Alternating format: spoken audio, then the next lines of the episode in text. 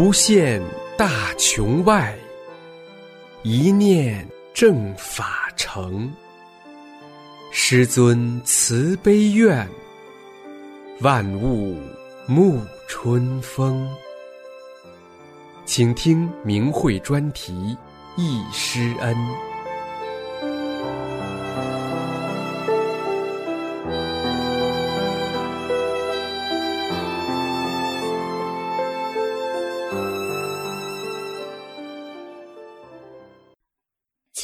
明慧忆师恩专题文章，题目是《忆参加李洪志师傅郑州传授班》，作者四川大法弟子。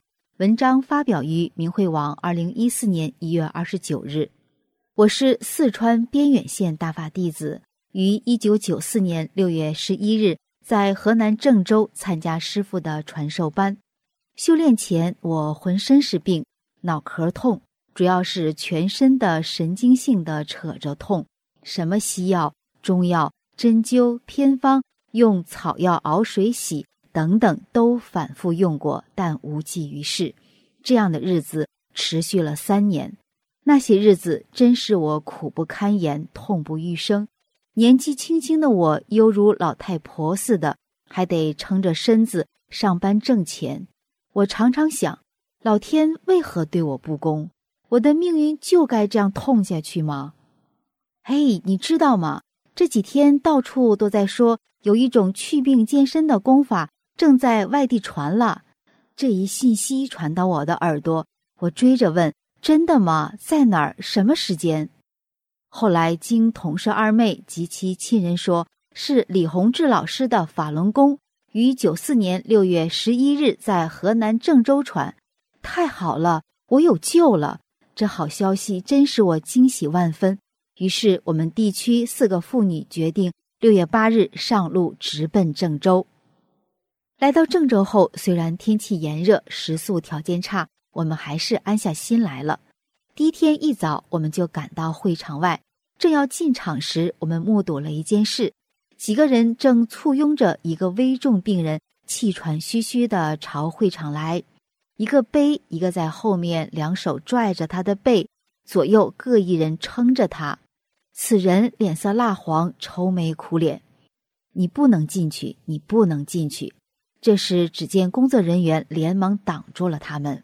我们没往下看，赶快进入会场。这是一个风雨球场，能容纳三四千人。会场气氛祥和，人们静静的期待着。大约九点时，只见一个年轻英俊、身材魁梧的人出现在台上，顿时会场上响起了一阵热烈的掌声。原来，这就是我们想见的李洪志老师啊！首先，师傅给我们简单的做了自我介绍及法轮大法的特点，然后开始了第一节的代工报告。师傅用普通话讲，语言浅显易懂，深入浅出，我听得仔细明白，句句入心。听着听着，我感觉身子从来没有过的舒服，我好激动，连忙把这感觉告诉了同行的人。第二天，我们仍然早早进了会场。一进去，发现周围的人正站着看前一天那个危重病人，那个病人竟然已经坐在会场上，我们真不敢相信自己的眼睛。后来我们问是怎么回事，他说：“为了请李大师治我的病，我们一早就在场外等着。一见李大师，我就像见了救星似的，我家人搀扶着我，连忙跪在地上求大师给我治病。大师说。”你自己站起来吧，我胆怯的试着站。大师鼓励我说：“没事儿，你行的。”我鼓足勇气慢慢站，周围的人也拍着掌鼓励我。没想到我终于站起来了。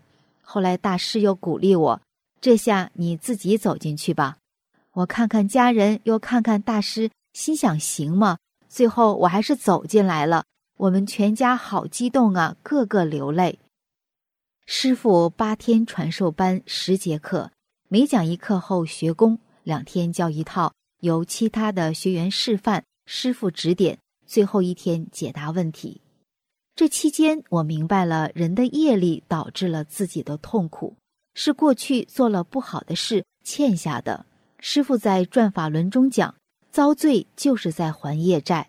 我还明白了，要放下人的各种观念执着，要做到打不还手，骂不还口，要从做好人做起，按照宇宙真善忍的特性去修，就来得快，就容易。八天时间不知不觉过去了，我身子的疼痛也不知不觉消失了，太神了，真让人不可思议。难怪这么多的人从全国各地、四面八方涌向这里，李大师真是大慈大悲渡人来的呀！此时此刻，我暗暗下决心，今后我就按师傅说的去做去修。回家后，我首先把所有的中药、西药、洗的药及针灸的用品全部清理出去了。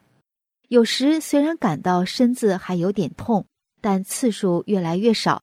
痛的程度越来越轻，我想，就像师傅在转法轮中所说，我们讲整体调整学员的身体，使你能够练功。你带着一个有病的身体，你根本就不会出功的。随着不断的练功，我就感到身体所有的病状全消失了，人精神起来了，一身轻了。同事都说，你真是前后判若两个人了。有缘参加师傅的传授班，真是三生有幸啊！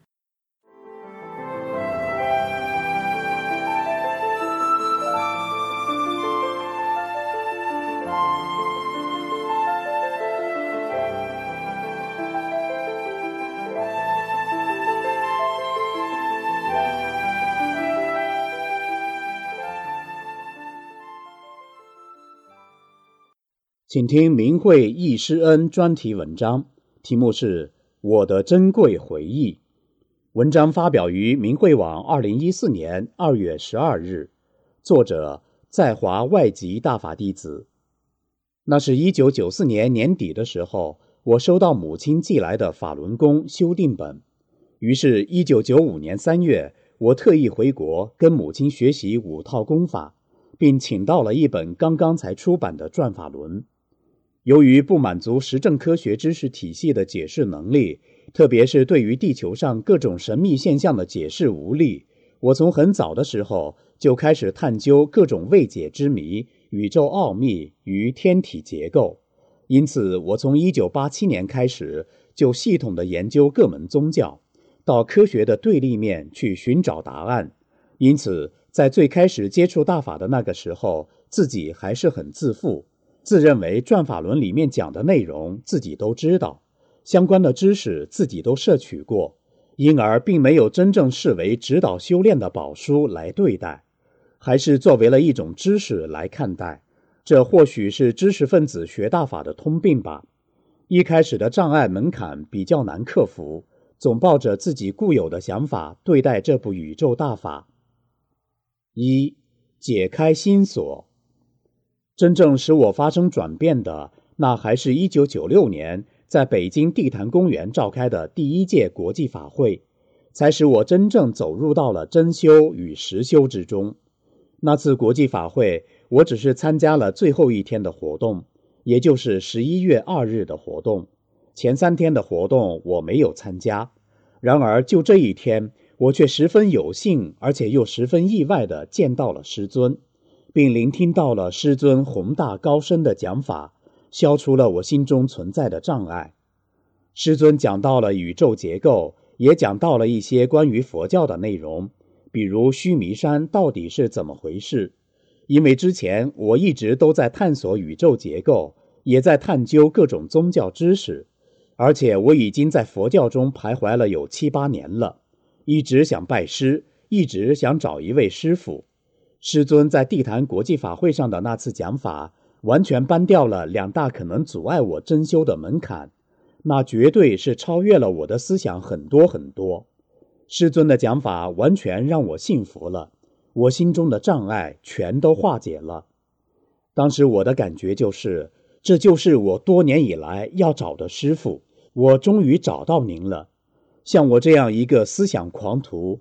被真正驯服，那可不是一件很容易的事。我终于找到师傅了，一个找到了师傅的生命，一个有师傅的生命是多么幸福。说真的，当时我都有想给师尊跪下的心。地坛国际法会，那是我第一次参加如此的大法法会，参加一个可以交心说真话的机会，一个可以促进实修的经验交流会。我真的收获了很多，我感恩之心无以言表。这是彻底改变我人生的一个转折点，一个里程碑。二，我见到了师傅。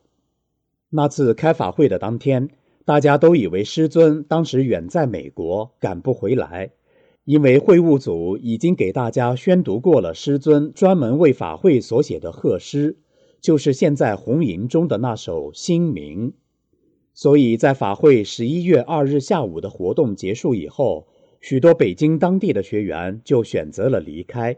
虽然会务组为与会者们安排了一顿丰盛的晚餐，专门负责接待我的那位同修问我走还是留。由于我是第一次参加这样的活动，感觉非常新鲜，有些余兴未尽、流连忘返之感，所以我说我不走，我想留下再跟大家多待一会儿。于是我选择留下来与大家一起吃晚餐，好像冥冥之中有一股力量要让我留下来一样。我万万也没有想到，就是我的这个决定，成就了我第一次见到师尊，并且能够聆听师尊亲自讲法的那个万古难遇的机缘。就在我与同修们一起吃晚餐的时候，有位同修哭着跑回来告诉大家：“师傅来了。”紧接着。师尊就进入了我们就餐的那个大厅，大家都激动地起来与师尊握手，我也随着同修们一起与师尊握手。因为这段与师尊握手的经历，因此每当我读到《转法轮》第三讲，老师给了学员一些什么那一小节，关于握起来就不撒开的那一段的时候，我总是会联想起自己当时到底是抱着什么样的想法与师尊握手的。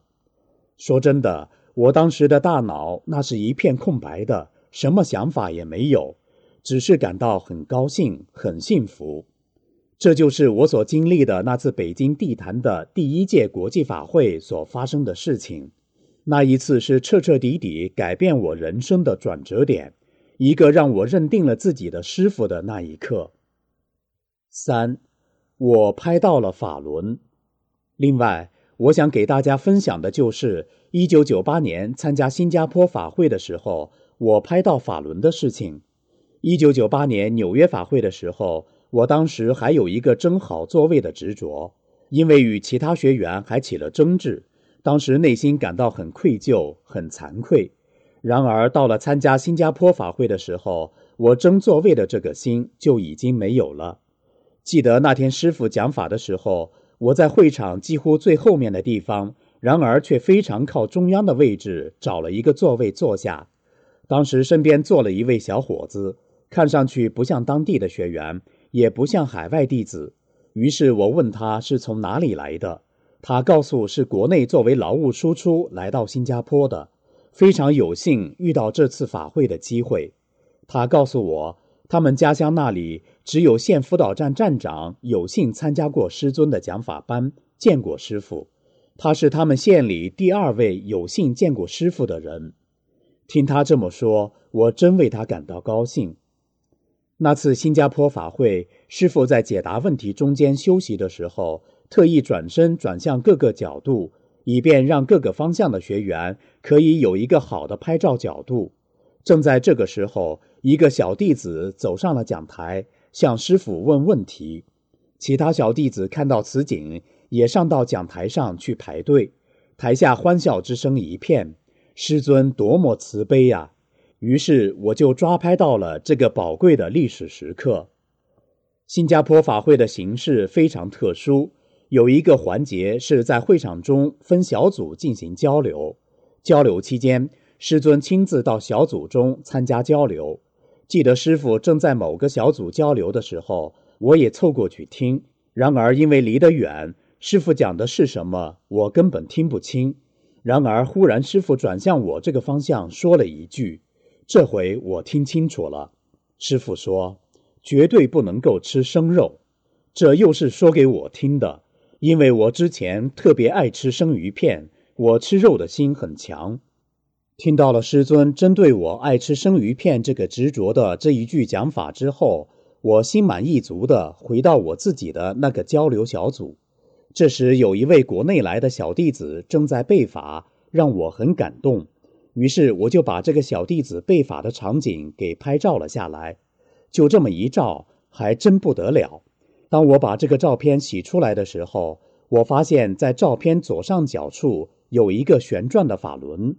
而且法轮出现位置的那个背景人群，恰恰正是师傅还在参加讨论的那个小组人群，也就是我刚刚从那边回来的那个小组。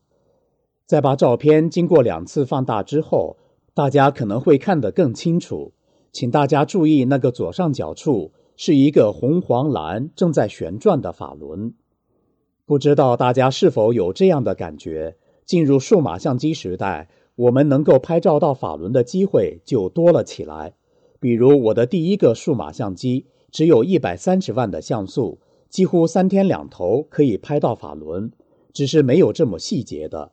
然而在光学相机时代，能够拍照到法轮的机会就比较罕见。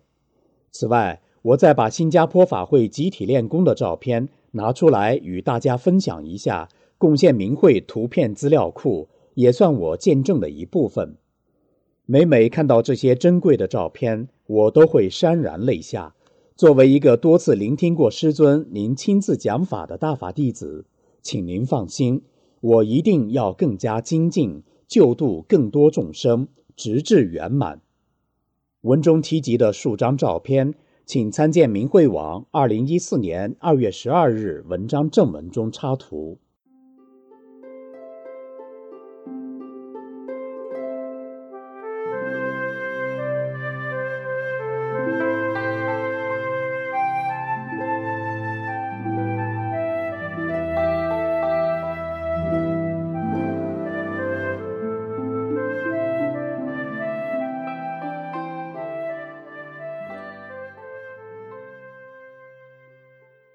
请听明慧易师恩专题文章，题目是《易师傅在山东临清传功讲法》。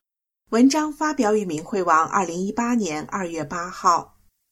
山东省临清县是一座历史悠久的千年古县，明清时期凭借大运河漕运而兴盛。师傅在转法轮中所说的关于学员把毛巾头送回厂的例子。就是师傅在临清传功讲法时发生的事情。上世纪八十年代气功普及时，临清有许多的气功爱好者，我也是其中之一。千万年的期盼，万古的机缘，终于盼到了师傅亲临临清县传功讲法，这是这一方众生的机缘。一九九三年五月八号至十七号。师傅在临清传功讲法，为期十天。当时我有幸是法轮功学习班工作人员，协助做一些事情，所以吃住和师傅在一起的时间比较长。晚上就住在师傅入住的招待处房间对门。那段时间是我生命历史长河中最最幸运荣耀的。无法用人类语言表达对师傅的感恩。一九九三年五月八号上午十点左右，师傅由冠县公安局的同修开车去德州车站接回到临清。当时通讯不方便，我与同修来到招待处时，师傅一行几人已在招待处门口等着我们。当时临清副市长和当地气功协会人员前来与师傅见面并合影留念。此照片二十多年了，我还保存完好如新。本市电视台记者一同采访录制节目，并在电视台正面播出宣传法轮功和师傅的简介。师傅传功讲法时间为每晚八点到十点，一个半小时讲法，半小时教功。师傅还早上去公园看学员练功，并指导和回答问题。最难忘的一件事。办班快结束的前几天，师傅自己拿出二百多元钱买了一台录音机，送给大家在练功点使用。我们有时白天陪着师傅在临清参观了舍利宝塔、无恙松、歇马亭等。我们的临县冠县是师傅一九九二年十一月份来过传功讲法的地方，与临清相隔百里。一天，师傅提出要去冠县看望学员，我们大家组织了两辆车，一同陪着师傅去了冠县法轮功辅导站长家，看到了。师傅时刻都在挂念着弟子的心情。师傅的怀大志而居小节，给弟子们留下了言传身教的师表。有一次和师傅吃饭时，掉在餐桌上的米饭粒，师傅用手捡起来吃了，深深地教导了我的不足，以及我在以后的日子里教导子女在这方面的规正。师傅在北京来临清时。带来了四月份刚刚出版的《法轮功》，并亲自在书的第二页写上了我的名字，又签上了师傅的名字，赠送给我，真是三生有幸啊！在师傅身边，也想不起来说什么，只感觉师傅带着的能量场是那样的祥和，那样的舒服美妙，是无法用人类语言表达的。对于我来说，那就是心领神会，不易言表。办班结束后的第二天的早晨，我和同修找来准备好的一辆汽车，一同陪送师傅回北京。当时师傅的住处在北京一居民区的二楼。到达师傅住处时，已是下午四五点钟了。当时在场的北京的大法弟子给我们做的面条吃，师傅又送我们到楼下，一一握手送别。我是站在最后一个的，也是最后上车的。师傅走到我面前时，我握住师傅的手说：“师傅，林清人是欢迎师傅的。”师傅回答道：“好，好，有机会一定再去的。”师傅来临清传功传法之前，我是经常的重感冒，一病好多天，打针吃药输液总也不好使。后来经朋友介绍说练练气功，我就开始练气功了。可是感冒还是不怎么好。师傅来临清传功传法后，我就专一的修炼大法，一直到现在二十多年了，没有吃过一粒药，身体很健康，外表上看起来比同龄人年轻许多，这是有目共睹的。二十多年过去了，每当回想起和师傅在一起时，就像昨天发生的一样，师傅的慈悲、和善、微笑与威严，在我脑海里记忆犹新，历历在目。通过和同修多次交流后，为此写了这篇文章忆师恩，感谢师傅对弟子的看护，千言万语也表达不了师傅对弟子的慈悲。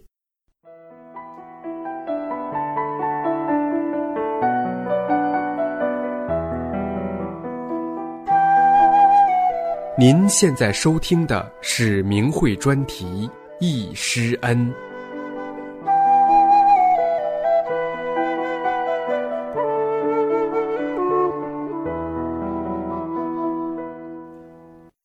请听明慧忆师恩专题文章，题目是《回忆师父大连讲法报告会》，作者大连大法弟子。文章发表于明慧网，二零一一年六月二十日。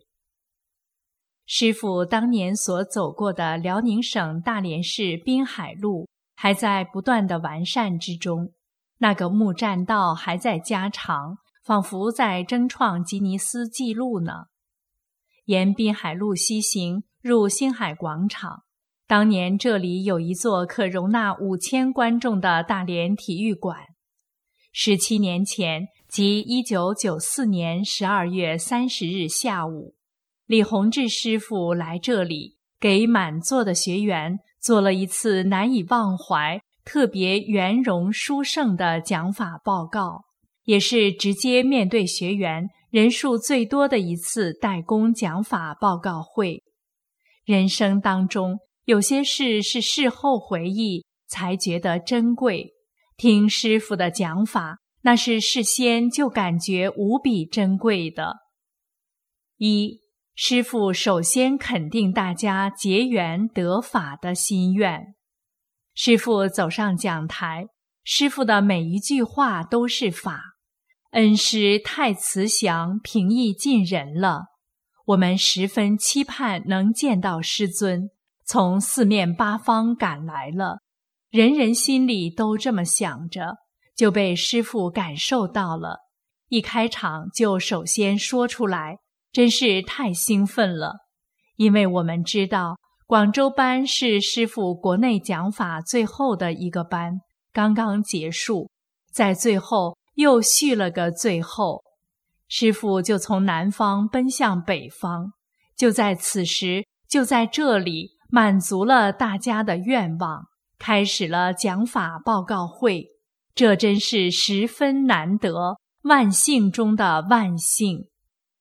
一学员回忆说：“七月一日的大连讲法，即作为大法音像资料留下来的那次讲法班上，我们就听说师傅要结束国内传法了。我只弄到一张票，当时却让给了一位更急切要参加班的人，而这次就是那位给我的票，才得有此缘呢。”一位参加过班的老学员回忆说。当时我有两张票，就只想让给别人。当时没有想到给儿子留着。不久，师傅去了国外传法。十七年过去了，儿子一直也没有见到师傅。当时是佛性表现出来了，于是先想到别人，让最该当时与师傅结缘的人结上此缘。过后有后悔的一念闪过。就是母子情出来了，人的一念反上来了，应当修去。师父要求我们实修者不执于求而自得，见精进要旨，拜师。我悟到修炼的升华不是追求获得，而是坦然的放下。学员们回忆中谈到。报告会选了当时大连市内容量最大的场地，安排在下午举行，可能都有方便更多外地有缘人往这儿赶的因素。那讲台后面的座位，也许是准备一些空着的，结果也全被占满了。法轮功真是人心所向，五千个座位，座无虚席啊！二。师傅十分关心坐在讲台后面的学员。大圆碟形的体育馆所设的主席台的位置有个缺点，由于电线不够长，造成其背后有许多人是看不到在主席台讲法的师傅的正面的。当时在场的大连学员每回忆起这个往事，都在查找我们自己的不足。首先，我们就没有设身处地的想一想，坐在师傅背后同修当时的感受。更重要的一点是，当时我们没有跳出常人的观念看问题，认为师傅在常人设定的主席台做讲法报告是适宜的，认为拉长电线让师傅到最后一排观众席上做讲法报告，是不是对师傅不够尊敬啊？是不是不成体统啊？等等，其实电线不够长，反映我们悟性不够高，没有做及时拉长电线的改善，反映我们冲破常人的观念太迟缓。如果我们当时冲破了常人观念的框框，听到师傅讲到此，有一个工作人员或现场哪个大连老弟子出去解决几十米的电线。其实是一件很容易的事情。大家谈到此事，虽然是师傅当场给我们圆融过去了，但是要过的关还得自己过。我们没能跟上师傅所想，这是人与神的一念之差。类似的各种人神一念之差，是会在我们整个修炼过程中经常出现，要时时面临的考验。师傅讲法的一言一行，都在指导我们升华。一段电线有限，讲法言行所示的法理内涵高深无限。有位学员谈体会说，有些表面上看像是事小，可是牵涉的理大。师父讲法常常是用最浅白的语言讲出了一个最高深的法理，类似一件事情，往往从不同的角度去讲，在提高我们的悟性。记得七月机车厂体育馆师傅的大连讲法班那次。我是好不容易寻到了最后一张票，是楼上十九排二号。一就位后，只能向下看到师傅的侧面，我心生了不满意的一念。就听师傅立即说：“在哪儿都一样。”我悟到这是在点我去我对座位的执着心。向下一看，这五百人。有很多是在过道的地上坐地打坐听法的人，满满的，我臊得脸通红。再一看，我周围有五六个都是我们一个单位的人，他们是先集体买的票，我是后来者，怎么又和他们坐在一块儿了？这一切是偶然巧合，还是早有定数？是不是师傅早就牵着我的法缘？我得珍惜大法之缘，去执着心。我一个刚进班的人，思想一闪念，事不算太大，去执着心的理大。那次对我触动不轻，提高很大。这一次类似情况，师傅又换了一个角度讲，并且师傅转过身去看望身后的学员，这一言一行。使我从中悟到师傅的无量慈悲、宏恩浩荡，悟到师傅让我们今后就是要遇事先想到别人，悟到师傅在点化我们，在常人中修炼，要想提高升华上来，就必须学好法，不断破除常人的观念。三，师傅给我们净化身体。又讲了宵夜方面的法理，学员们共同回忆。师傅开始说有关清理身体这方面的法理，接着师傅让大家站起来，按师傅的要求，具体给大家集体驱了一次病。开始有的人抢先了，又来了第二次，做得很好，不少人有了明显的效果感受，显得很高兴。有一位学员回忆说，他当时听报告时就睡着了，一听师傅给大家驱病，就一下子精神起来，站起参加师傅给予的集体驱病。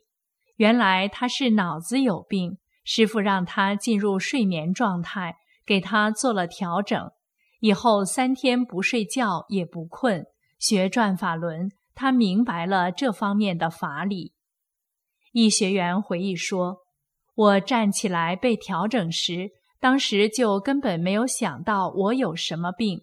以后学法悟道，当时可能是明白那面精神起来起的作用，而宵夜是在以后的修炼中劳其筋骨、苦其心志，在人与人之间的矛盾的过关中一举四得的在不断的宵夜长功。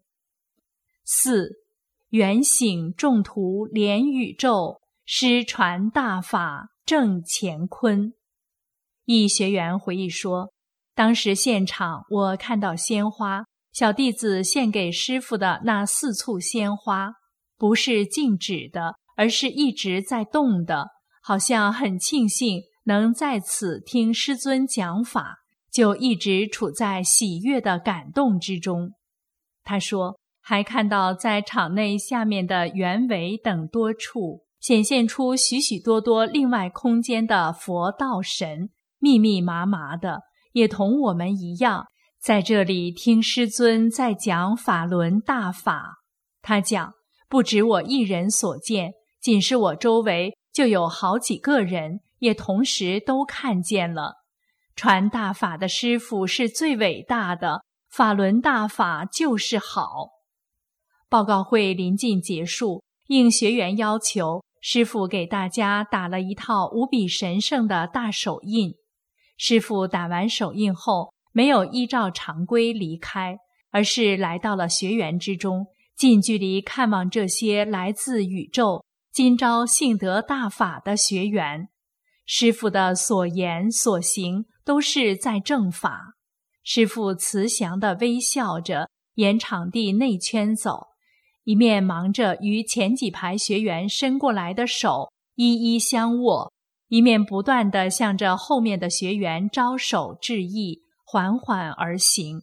每到一方块区域，大家都整齐起立，热烈欢迎，两眼直望着神圣和善的师傅，双手使劲地鼓掌。就这样。师傅慢慢一步，大大的体育馆大圆满地走了一圈，场内五千多学员无所不包，无所遗漏，都这样近距离看清了我们最崇敬、最伟大的师傅。末世传大法的师尊，一言一行都最慈悲、最伟大。何止是人这一层在眼含热泪感恩啊！那归正的层层众神也同样感恩师尊这至宏至威的正法，超长的师尊，超长的大法，超长的法正一切，超长的法图，其缘分与使命也是超长的大，如此慈悲救度。如此洪恩浩荡，开创了史无前例的辉煌。师父在红银二心自明中说：“法度众生，师导航，一帆升起，一帆扬。”师父继上次乘快艇而来，留下了大连讲法音像之后，再次赶来，做了这场殊胜的。令神佛都庆幸的代工讲法报告会，十七年过去了，大法弟子永存同化法光的正念，紧随恩师正法救度的导航。